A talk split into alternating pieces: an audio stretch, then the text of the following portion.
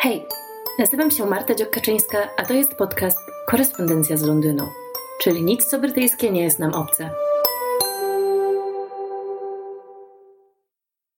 Hej, myślałam, że dzisiaj uda mi się wreszcie nagrać podcast o Margaret Thatcher, natomiast no nie wyrobiłam się i myślę, że duży wpływ ma na to moja niechęć do, do tematu, um, ponieważ to nie jest do końca temat przyjemny, ale obiecuję Wam, że, że to nastąpi. Mam nadzieję, że już za tydzień i przepraszam Was za to opóźnienie.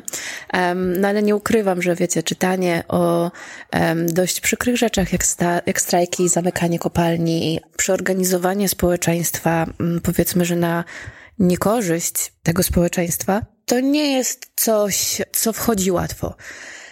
Będę się starała y, pokonać y, moją niechęć do tego tematu, który jest zupełnie niepuchaty ale dzisiaj wymyśliłam e, taki łatwy, łatwy dość temat, ale wydaje mi się, że może tutaj paść trochę fajnych rzeczy.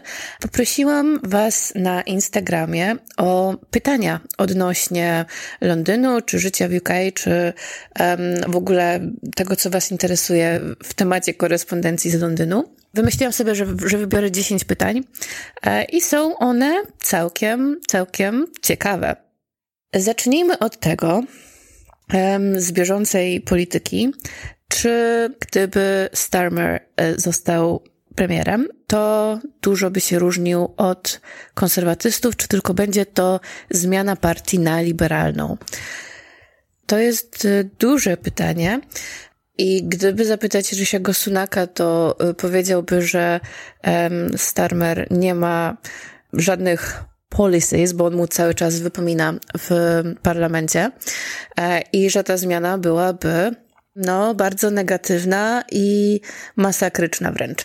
Ze strony osoby, która jest zdecydowanie wyborcą raczej partii pracy, e, raczej zdecydowanie, a już na pewno nie partii konserwatywnej, Myślę, że bądźmy realistami. To nie jest tak, że gdy, mam nadzieję, że to będzie gdy, a nie jeśli, e, Keir Starmer zostanie premierem, to wszystko, co było do tej pory złe w Wielkiej Brytanii, przestanie mieć miejsce i straci znaczenie. Nie będzie tak. Polityka jest polityką um, i myślę, że możemy sobie spokojnie powiedzieć, że na pewno nic z dnia na dzień się nie zmieni i nie będzie to nagle bajkowa kraina.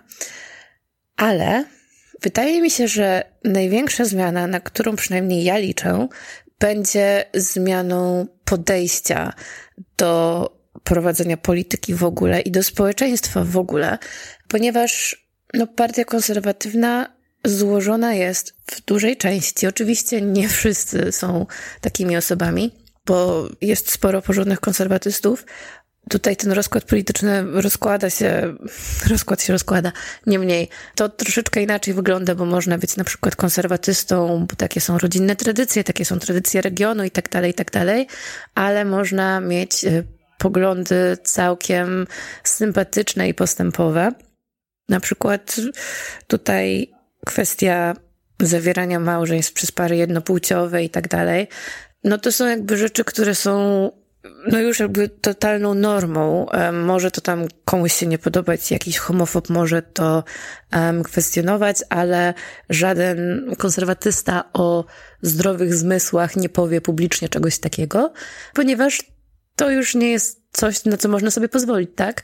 To już jest część normalnego życia społecznego, um, przyjętych praw tutaj obywatela i jakby nie ma kwestionowania tego.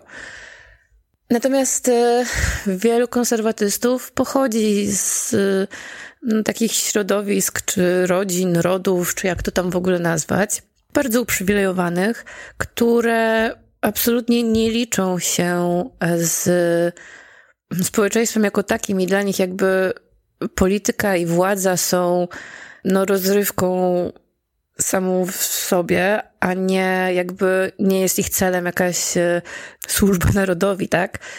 Czytałam ostatnio dość ciekawy artykuł Odnośnie e, Sir Antoniego Seldona, który jest e, między innymi historykiem i od 40 lat e, pisze no, tak jakby analizy rządów różnych premierów brytyjskich i stwierdził, że nigdy nie było tak źle z osobą premiera jak za Borysa Johnsona, ponieważ był to absolutnie człowiek, którego jedyne, jedynym celem była władza i jedynym jego ideałem było to, żeby on znalazł się u szczytu i że to generalnie wcześniej nigdy się nie zdarzyło, jeśli chodzi o postaci premierów, bo zwykle te osoby, które dostawały się na to stanowisko, zostawały premierami, miały za sobą jakąś wizję polityczną. Ta wizja mogła być bardziej sroga, bardziej surowa lub bardziej liberalna, mogła być, wiecie, bardziej przyjazna przeciętnemu obywatelowi lub mniej przyjazna, ale ona istniała i te postaci wcześniej miały jakieś ideologie, o które walczyły i, i które wspierały, tak? Natomiast podobno według tego e, autora. W przypadku Borisa Johnsona mamy absolutną pustkę. Generalnie wszystko, co robił, łącznie z Brexitem oczywiście, było tylko i wyłącznie środkiem do celu jego kariery. To zadziało się za partii konserwatywnej i umożliwiono postaci takiej jak Johnson e, dojście do tego miejsca, tak, w którym został premierem w bardzo ciężkich sytuacjach i właśnie też według, według tego historyka ciężkie sytuacje mają potencjał um, zrobienia z premiera wybitnego polityka, przez to jeśli sobie z nimi poradzi lub nie, lub zniszczenia go. Wyszło jak wyszło. Więc e, jeśli chodzi o zmianę, bo tu nie chodzi tylko o Kira Starmera, tak? Tu chodzi ogólnie o zmianę pewnego paradygmatu politycznego od kilkunastu lat trwającego, czyli rządów e, konserwatywnych. Jeśli Labour um, najprawdopodobniej pod przywództwem Kira Starmera zostanie partią rządzącą, to ja mam nadzieję, i tego bym się spodziewała, że odejdziemy od takiej bezczelnej polityki bogaczy i tego wiecie, 1% e, niemalże, czyli nie wiem, cięcia podatków bogatym um, i dbania przede wszystkim o interesy korporacji. I od takich bezdusznych postaci jak nie tylko Priti Patel, ale w porównaniu z Suelą Braverman, to Priti Patel po prostu można uznać niemalże za świętą, że odejdziemy od takich, no, dość aroganckich, żeby nie powiedzieć nawet obrzydliwych pomysłów, jak e, wysyłanie wszystkich um, nielegalnych uchodźców, łącznie z tymi, którzy proszą o azyl polityczny, do Ruandy, tak? I takiej, mam nadzieję, na koniec takiej pogardliwej polityki wobec człowieka i koniec takiego ostentacyjnego naginania praw międzynarodowych e, po to, żeby e, pokazać, e, że Wielka Brytania po Brexicie jest wielka. Myślę, że wtedy będzie w polityce nieco więcej pokory, nieco więcej łagodności i nieco więcej współczucia. Być może. To jest to, czego bym chciała. Natomiast, no, czy zmieni się na kraj um, bez problemów? No, na pewno nie. Nie w najbliższych latach, z pewnością ten Brexit będzie się za nami ciągnął jeszcze przez dekady. Kolejne pytanie. Mm, dlaczego w UK jest tak brudno? To ja zapytam w porównaniu z czym? E, bo nie czuję bynajmniej, żebym wjeżdżając do Polski znajdowała się nagle w wyściełanym marmurami um, kraju, w którym można jeść z ziemi. I nie widzę jakby jakiejś wielkiej różnicy, jeśli patrzymy na skalę makro, bo oczywiście rozumiem, że są dość paskudne i obmierzłe miejsca w Wielkiej Brytanii, w Londynie zwłaszcza być może, przynajmniej to znam z mojego otoczenia. No, most pod Finsbury Park to jest e, miejsce, o którym zaczęłam nawet pisać e, opowiadanie fantazy, w którym obrzydliwe potwory tam chodzą i robią różne obrzydliwe rzeczy. Jednak um, no jakby takie same miejsca są w Polsce i ostatnio jak byłam w Warszawie, to, to zdarzały się takie mniej, dużo mniej fajne miejsca. zaraz obok tych całkiem fajnych. Więc, y, no nie wiem, jeżeli chodzi o Londyn, to mogę tylko powiedzieć, że kwestia skali chyba, tak? To jest największe miasto z zachodniej Europy um, i w ogóle tej, tej części świata. Um, więc być może to jest problemem, natomiast y, jeśli chodzi o, o całość kraju, to ja tego nie widzę, żeby, żeby była jakaś taka diametralna y, różnica. Okej, okay, moving on. E, czy spotkałaś się z poczuciem, że jesteś gorsza, bo jesteś z Polski? Um, ja nie, ale musimy zwrócić uwagę na to, że ja przyjechałam na studia um, do Wielkiej Brytanii, um, a później szukając pracy, no miałam brytyjskie wykształcenie, tak? Więc y, to jakby trochę wybija argument z ręki, no bo jeżeli jeżeli będąc Polką jestem w stanie dostać brytyjskie wykształcenie, odebrać je na takim poziomie jak osoby będące stąd, no to znaczy jakby, że nie wiem, w czym jestem gorsza, tak? E, jak na studiach pracowałam, no to jakby byłam taką, taką samą studentką pracującą w jakiejś tam kantynce e, czy sklepie jak inni studenci, e, więc też tutaj nie miałam jakby poczucia, żeby było jakiś w ogóle jakikolwiek powód, do którego ja mam się wstydzić. Jakby, może też jest tak, że, że wiecie, jeżeli ja byłam wystarczająco pewna siebie, to może ktoś, nie wiem, e, nie odważył się wyrazić negatywnych opinii, chociaż je w sobie miał, nie wiem. To jest też tylko moje doświadczenie i nie mogę powiedzieć, żebym nie chcę dyskredytować innych doświadczeń, tak? Więc absolutnie przyjmuję, że w różnych innych regionach czy w różnych innych sytuacjach różne inne osoby mogą mieć inaczej. No a w pracy jakby, no, jeżeli ktoś mnie zatrudnił, no to dlatego, że miałam kompetencje i sprawdzałam się, dlatego pracowałam, więc też jakby, no w tych środowiskach, w których ja miałam okazję się obracać, nie słyszałam takich opinii i nie czułam, e, żeby ktoś dawał, dawał mi to odczuć. Chociaż czekajcie, nie, raz na studiach jeden wykładowca, który był Duńczykiem zresztą, ale ja mam och, wieloletnie problemy z Duńczykami. Zawsze trafiam na um, jakieś osoby, um, które są bardzo specjalne. I on powiedział kiedyś, że napisałam zły esej, bo zapewne będąc z kraju postkomunistycznego nie umiem wyrażać um, swoich opinii, bo nas tego nie uczą. No ale to wiecie, to był tego typu tekst. Ja poszłam z tym potem do kierownika roku, tak to się przynajmniej u nas nazywało, i, i powiedziałam, że sobie tego nie życzę i moja ocena była zweryfikowana. Um, no ale jakby to nie był nawet Brytyjczyk, tylko Duńczyk um, i um, był specyficzną osobą, o której zresztą później e, plotkowałam e, z moim promotorem e, magisterki, który miał o nim bardzo też nieciekawe rzeczy do powiedzenia. Dalej. Wady życia w Londynie zawsze opowiadasz o tym w superlatywach. Chyba się nie zgodzę. Wydaje mi się, że niejednokrotnie wyrażam różne prześmiewcze opinie i że patrzę na różne aspekty. No, ale ja lubię mieszkać w Londynie, nie ukrywam tego. Nie jest to żadne idealne miejsce. Gdyby było mi tutaj źle, to bym tu po prostu nie mieszkała, tak? Bo jest to moje ogólne podejście do życia, że jeśli coś mi nie pasuje, to staram się to zmienić na tyle, na ile mam możliwości. Natomiast oczywiście Londyn ma mnóstwo wad, chociaż no, część tych wad będzie powiedzmy obiektywna, a druga część będzie zależała od indywidualnych preferencji, tak? Na pewno Londyn jest paskudnie drogi. Chociaż teraz jak y, jechałam dwa razy do Warszawy w tym roku, no to w przypadku y, kupowania na mieście jedzenia, to miałam wrażenie, że te ceny warszawskie i londyńskie nie są wcale od siebie tak bardzo już oddalone. Natomiast, y, no po prostu na tle całej reszty kraju i na tle innych krajów, no po prostu jest to miasto nieprzystępne cenowo, e, zwłaszcza jeśli chodzi o e, koszty mieszkania. E, ceny londyńskich mieszkań i domów do kupienia robią się absolutnie horrendalnie wysokie.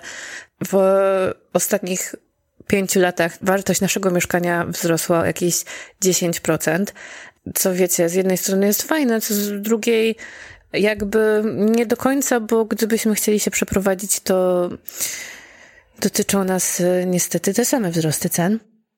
Londyn jest również olbrzymi i dojechanie z jednego końca miasta na drugi to często jak przejechanie z centralnego Londynu do Birmingham, tak? Podobne, podobne są to trasy, no znaczy nie kilometrowo oczywiście, ale czasowo, lub nawet dłuższe, bo zdaje się, że do naszej znajomej, która mieszka pod Londynem, jedzie się dłużej niż do Birmingham. No ale taki, taki urok. E, wydaje mi się też właśnie, że żeby przyjemnie, fajnie żyć w Londynie i korzystać e, ze wszystkich uroków miasta, no to trzeba wydać sporo, bo jasne, muzea są darmowe, ale już e, dobre jedzenie, teatry, no wcale nie. I to są znowu koszty niebagatelne, ja na przykład y, wiem, że z pewnością nie chciałabym studiować w Londynie, ponieważ y, no, będąc studentką i mając porównywalny budżet do tego, który miałam na studiach, przyjeżdżając tutaj w 2006 roku do Glasgow, po prostu nie miałabym w ogóle możliwości uczestniczenia w życiu kulturalnym, bo nie byłoby mnie na co stać. E, nie byłoby mnie stać, żeby wydać e, kilkadziesiąt funtów na bilet na e, przedstawienie teatralne czy musical. Nie wiem, czy byłoby mnie stać na driny. ja płaciłam za piwo wtedy funta. Lokale w okolicy mojej, która wcale nie jest najdroższą z okolic, są no, za, za piwo płaci się tutaj wielokrotnie więcej. Um, myślę, że jakieś 5-6 funtów obecnie. Um, w zależności oczywiście od, od klasy, e, lokalu. To są takie pierwsze z brzegu rzeczy, które mi przychodzą do głowy. To jest również wielkie miasto i ja to uwielbiam. Uwielbiam, że mam wszystko w zasięgu ręki. No ale są ludzie, którzy uwielbiają naturę i chcą żyć na wsi na przykład, tak? Um, no to już jest kwestia indywidualnej preferencji. Czy są miejsca bardziej bezpieczne od Londynu? Z pewnością. Ja osobiście czuję się tutaj bezpieczniej niż w wielu innych miejscach, no ale nie jest to, um, nie wiem, małe community, e, w którym można zostawić otwarte drzwi. Chociaż, no właśnie, moja koleżanka pod Londynem zostawia otwarte drzwi większość dnia. Um, no, my nie zostawiamy. Ale myślę, że to jest to są te same wady, co w większości dużych miast. Myślę, że w większości dużych miast są korki, ciężko się dostać z jednego końca miasta na drugie i bywa drogo. E, więc e, nie wiem, czy specyficznie są tutaj jakieś e, konkretne problemy, również z działalnością kryminalną i innymi niebezpiecznymi tematami niż w większości dużych miast, które nie byłyby związane z problemami skali po prostu. To są przynajmniej te rzeczy, które ja widzę. Nie wiem, duże różnice społeczne też myślę można uznać, że za zawadę, um, chociaż ludność jest tutaj na tyle przemieszana, że mimo wszystko no ma się kontakt z, z różnymi osobami, nawet jeżeli się tego kontaktu bardzo nie chce, e, czego wcale nie uważam za y, jakąś zaletę unikania kontaktu z, z ludźmi z innych środowisk, wręcz przeciwnie. No ale te różnice społeczne i różnice w zamożności są chyba w całym Zjednoczonym Królestwie. Obawiam się. Więc y, nie będzie to chyba tylko kwestia Londynu. Pytanie numer 5. Gdzie byś mieszkała w Londynie, gdyby finanse nie miały znaczenia i czemu? Mieszkałabym w okolicach Canonbury albo Angel. Um, Canonbury jest jakby zaraz graniczy z Angel. Um, lub Barnesbury, uh, czy też Highbury in uh, Highbury Barn. Um, dlaczego? Um, ponieważ jest to okolica cicha, spokojna. Może, okej, okay, umiarkowanie cicha i umiarkowanie spokojna, ale dla mnie wystarczająco. Z ładnym otoczeniem, z akceptowalną, przyjemną ilością zieleni. Mieszka tutaj Kira Knightley. Oczywiście to jest, wiecie, taki bardziej joke. Um, nie jest to jakiś uh, wielki powód, natomiast uh, ja się czuję w tych okolicach dobrze i chciałabym tutaj pozostać. No obecnie mieszkam, tak, myślę, że zostałabym po prostu w Islington, w Islington tylko mieszkałabym e, w dużym domu z ogrodem e, w bardziej prestiżowej części. No niestety finanse mają znaczenie, więc e, mieszkam w mieszkaniu takim, na jakie nas stać. I tak niezwykle cieszę się, że płacimy sobie za nie kredyt, a nie musimy płacić czynszu, ponieważ y, czynsze drastycznie, drastycznie wzrosły w ostatnich kilku latach. I tak jak po pandemii przez chwilę to był rynek wynajmującego, tak teraz absolutnie zarówno dla kupujących mieszkania, jak i dla wynajmujących jest y, sytuacja dość ciężka. To też można uznać za dużą wadę miasta. Ale znów to chyba jest y, duża wada wielu miast. Jakich miejsc w Londynie absolutnie unikasz? Hmm. Metra w godzinach szczytu? Myślę, że y, to byłoby najtrafniejsze określenie. A następnym miejscem byłby um, Oxford Street w weekend oraz um, w okolicach um, Bożego Narodzenia, a także okolice London Eye, dworca Waterloo i w ogóle South Banku e, w weekend. Dlatego, że jest po prostu mnóstwo, mnóstwo, mnóstwo ludzi. I jakby każdy z moich wymienionych przypadków chodzi o tłumy.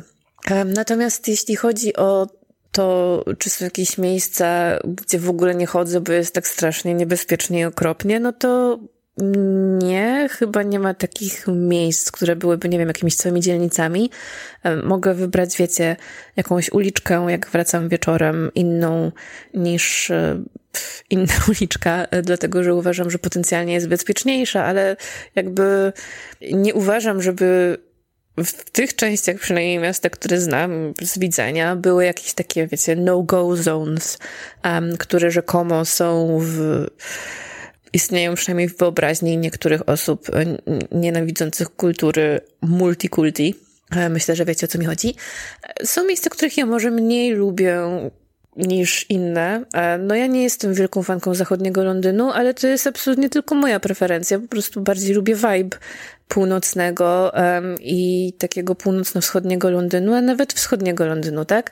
Um, no ale to tylko dlatego, że ja uważam się potencjalnie pretensjonalnie za trochę bardziej liberalną i arty niż y, niektóre środowiska w zachodnim Londynie, ale to jest tylko i wyłącznie moja preferencja i to nie jest tak, że nigdy nie pojadę na Notting Hill, bo bynajmniej jest to bzdura i bywam tam, chociaż po prostu rzadko. Tak samo jak, nie wiem, podoba mi się Greenwich, chociaż bywam tam raz na kilka lat, tak? Wtedy, kiedy mam tam coś do roboty. W mojej książce pojawia się zdanie, że elfy nie miałyby czego szukać w Croydon, ale żeby nie było, e, że jestem jakoś e, wielce uprzedzona do Croydon, postać, która to wypowiada, jest paskudnym rasistą, um, więc w sensie elfem, który nienawidzi ludzi, um, przynajmniej na ten czas. I chociaż Croydon nie jest miejscem, w którym ja bym się odnalazła, to bynajmniej nie chcę powiedzieć, że nie ma nic y, wartego uwagi i ciekawego w Croydon. Okej. Okay. Co Twoim zdaniem można odpuścić, będąc pierwszy raz w Londynie, a czego nie? Myślę, że to będzie też mocno zależeć od indywidualnych upodobań, bo jeśli ktoś przyjeżdża do Londynu marząc o y, zwiedzeniu um, Harry Potter Studios, no to jakby no to będzie dla niego obowiązkowy punkt, tak? Um, moim zdaniem um, warto odpuścić sobie takie miejsca jak Madame Tussauds na przykład, czy zadowolić się jednym punktem widokowym i nie musi to być Shard i mm, London Eye, bo na przykład Sky Garden jest darmowy, a widoki są powiedzmy porównywalne. Jest też Garden at 120, e, który również jest darmowy i posiada widok na walkie-talkie, w którym jest Sky Garden, więc e, myślę, że wybrałabym e, któreś z tych atrakcji darmowych, na które e, chyba na Garden at 120 nie trzeba się bukować. Przynajmniej kiedy ja tam byłam kilka lat temu nie trzeba było. Warto sprawdzić teraz, natomiast e, no, kolejki tam też e, zdecydowanie są mniejsze niż do Shard i do London Eye. No i można sobie zatrzymać całkiem sporo funtów w portfelu. Więc polecam. Sky Garden trzeba zabukować. Na stronie internetowej za darmo Garden at 120 można było swego czasu wchodzić z wolnej stopy.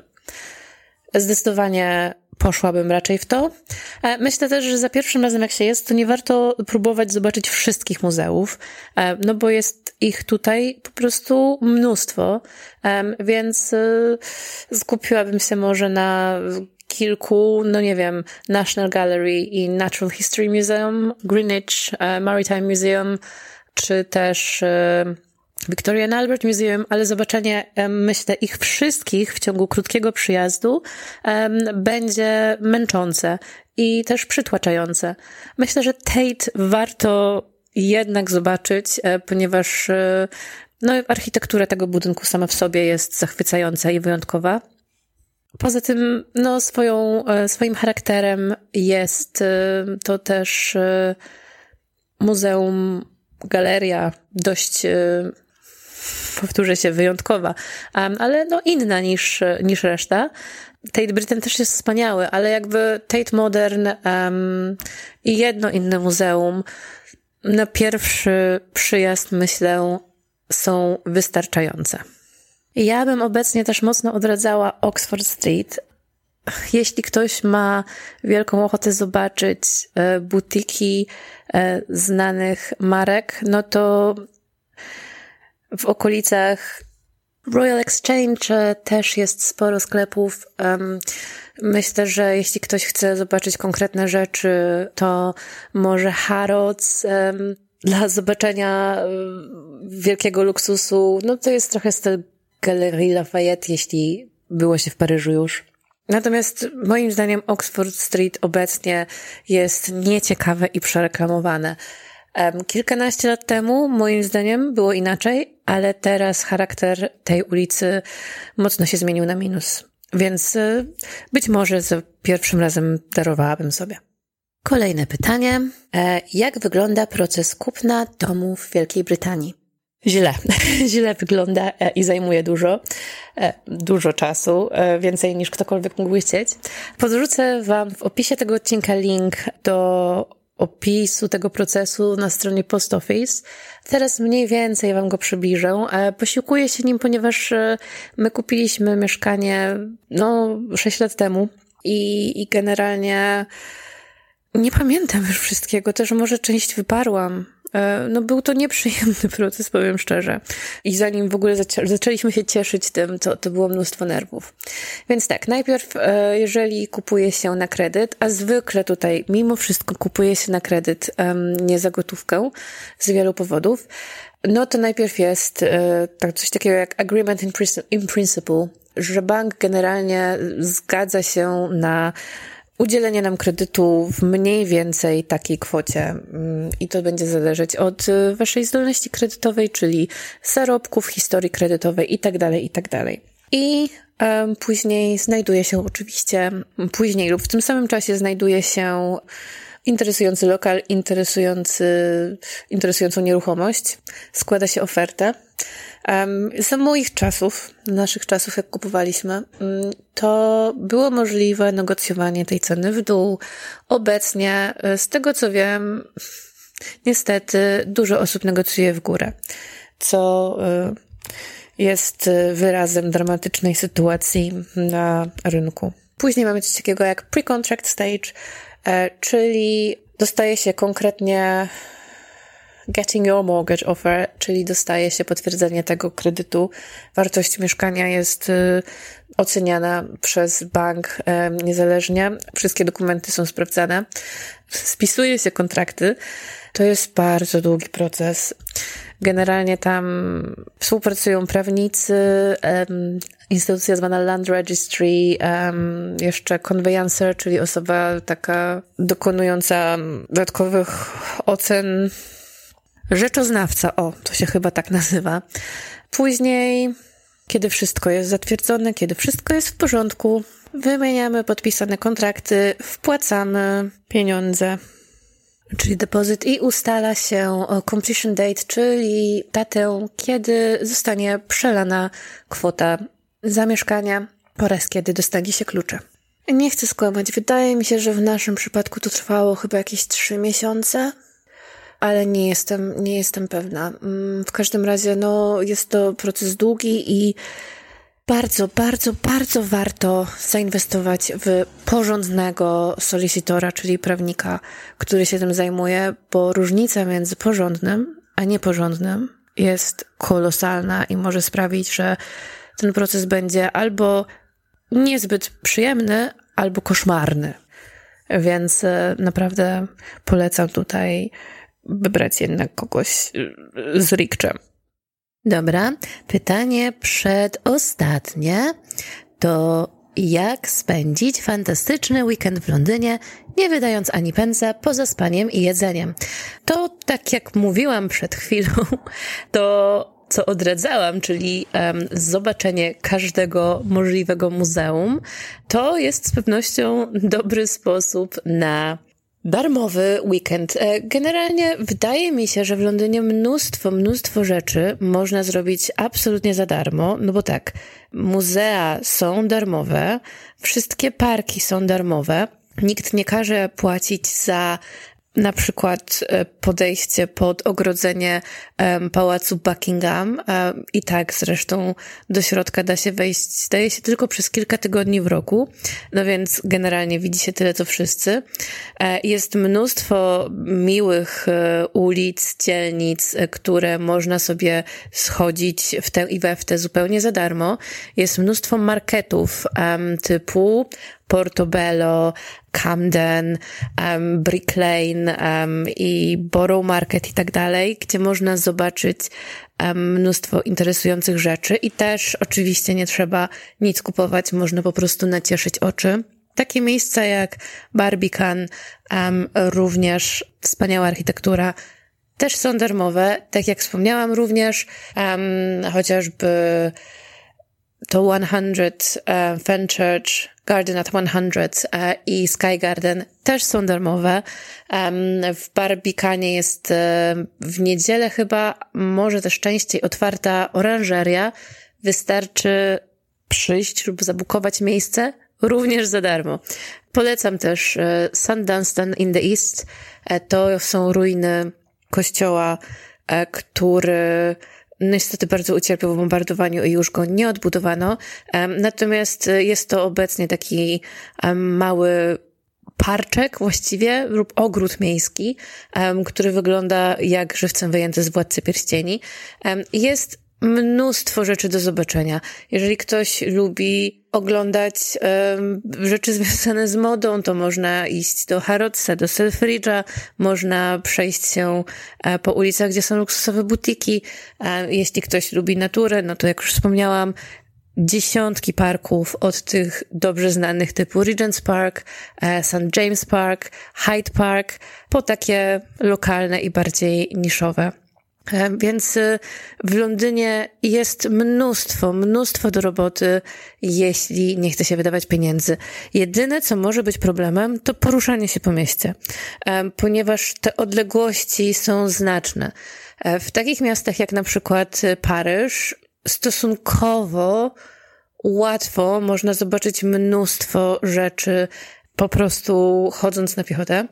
W Londynie Oczywiście, że można, natomiast y, wiem z doświadczenia sprzed 10 lat przynajmniej, że to może bardzo skrócić weekend, ponieważ odległości są męczące i są znaczące. Radziłabym jednak albo zainwestować w rower, e, na przykład taki rower miejski do zwiedzania, albo w jakieś hulajnogi, albo w po prostu Oyster czy bilet jednodniowy lub dwudniowy, lub okresowy po prostu. I wydałabym te pieniądze na transport, ponieważ, e, ponieważ uważam, że to ułatwia życie. Ale poza tym absolutnie można w Londynie przeżyć wspaniały weekend. Myślę nawet nie tylko weekend, to mogło być wyprawa na cały tydzień, podczas którego można oglądać tylko darmowe rzeczy. Myślę, że jest ich tyle, że, że z pewnością wystarczy. No, tak, to powiedziałam. I uwaga, uwaga, werble, ostatnie pytanie. Kiedy odcinek Staczy? Cieszę się, że nagrałam początek um, tego odcinka z długimi wytłumaczeniami i wyjaśnieniami i przeprosinami. Ten odcinek powstanie. E, naprawdę staram się w każdym tygodniu, żeby on był jak najszybciej. Wezmę się za siebie. Na 90% będzie za tydzień. 90%. Zmuszę się do tego. Akurat kiedy miałam zamykać już e, ten odcinek, e, wskoczyło mi na Instagramie ostatnie pytanie: skąd pomysł na przeprowadzkę i czemu akurat Londyn? Wydaje mi się, że to osoba, która jest ze mną od niedawna, co oczywiście nie jest żadnym grzechem, ponieważ e, internet e, jest tak pełen ludzi, że nie da się wszystkich obserwować od zarania dziejów. Niemniej w telegraficznym skrócie to jest wszystko y, opisane w zakładkach najróżniejszych o mnie, w najróżniejszych miejscach, ale w telegraficznym skrócie przyjechałam do Wielkiej Brytanii na studia w 2006 roku na University of Glasgow w Szkocji, po czym e, przeprowadziłam się za pracą mojego chłopaka do Surrey w Anglii. On skończył studia wcześniej niż ja. Ja byłam świeżo upieczoną absolwentką bez e, skonkretyzowanych planów na przyszłość. E, on miał już stabilną, dochodową pracę. Uznaliśmy, że dalsze wydawanie 70 funtów za każdym razem, kiedy chcemy się zobaczyć na podróż, e, jest trochę bezcelowe. Więc zamieszkaliśmy razem, po czym po dwóch latach przenieśliśmy się do Londynu. I reszta jest historią. E, jestem w Wielkiej Brytanii od 2006 roku, więc to będzie w tym roku 17 lat. Matko Bosko. No. Za tydzień, mam nadzieję, widzimy się z Margaret Thatcher. No, naprawdę. Przecierpię to. Przecierpię to. Dobra. Trzeba być twardym, niemiętkim. Do zobaczenia.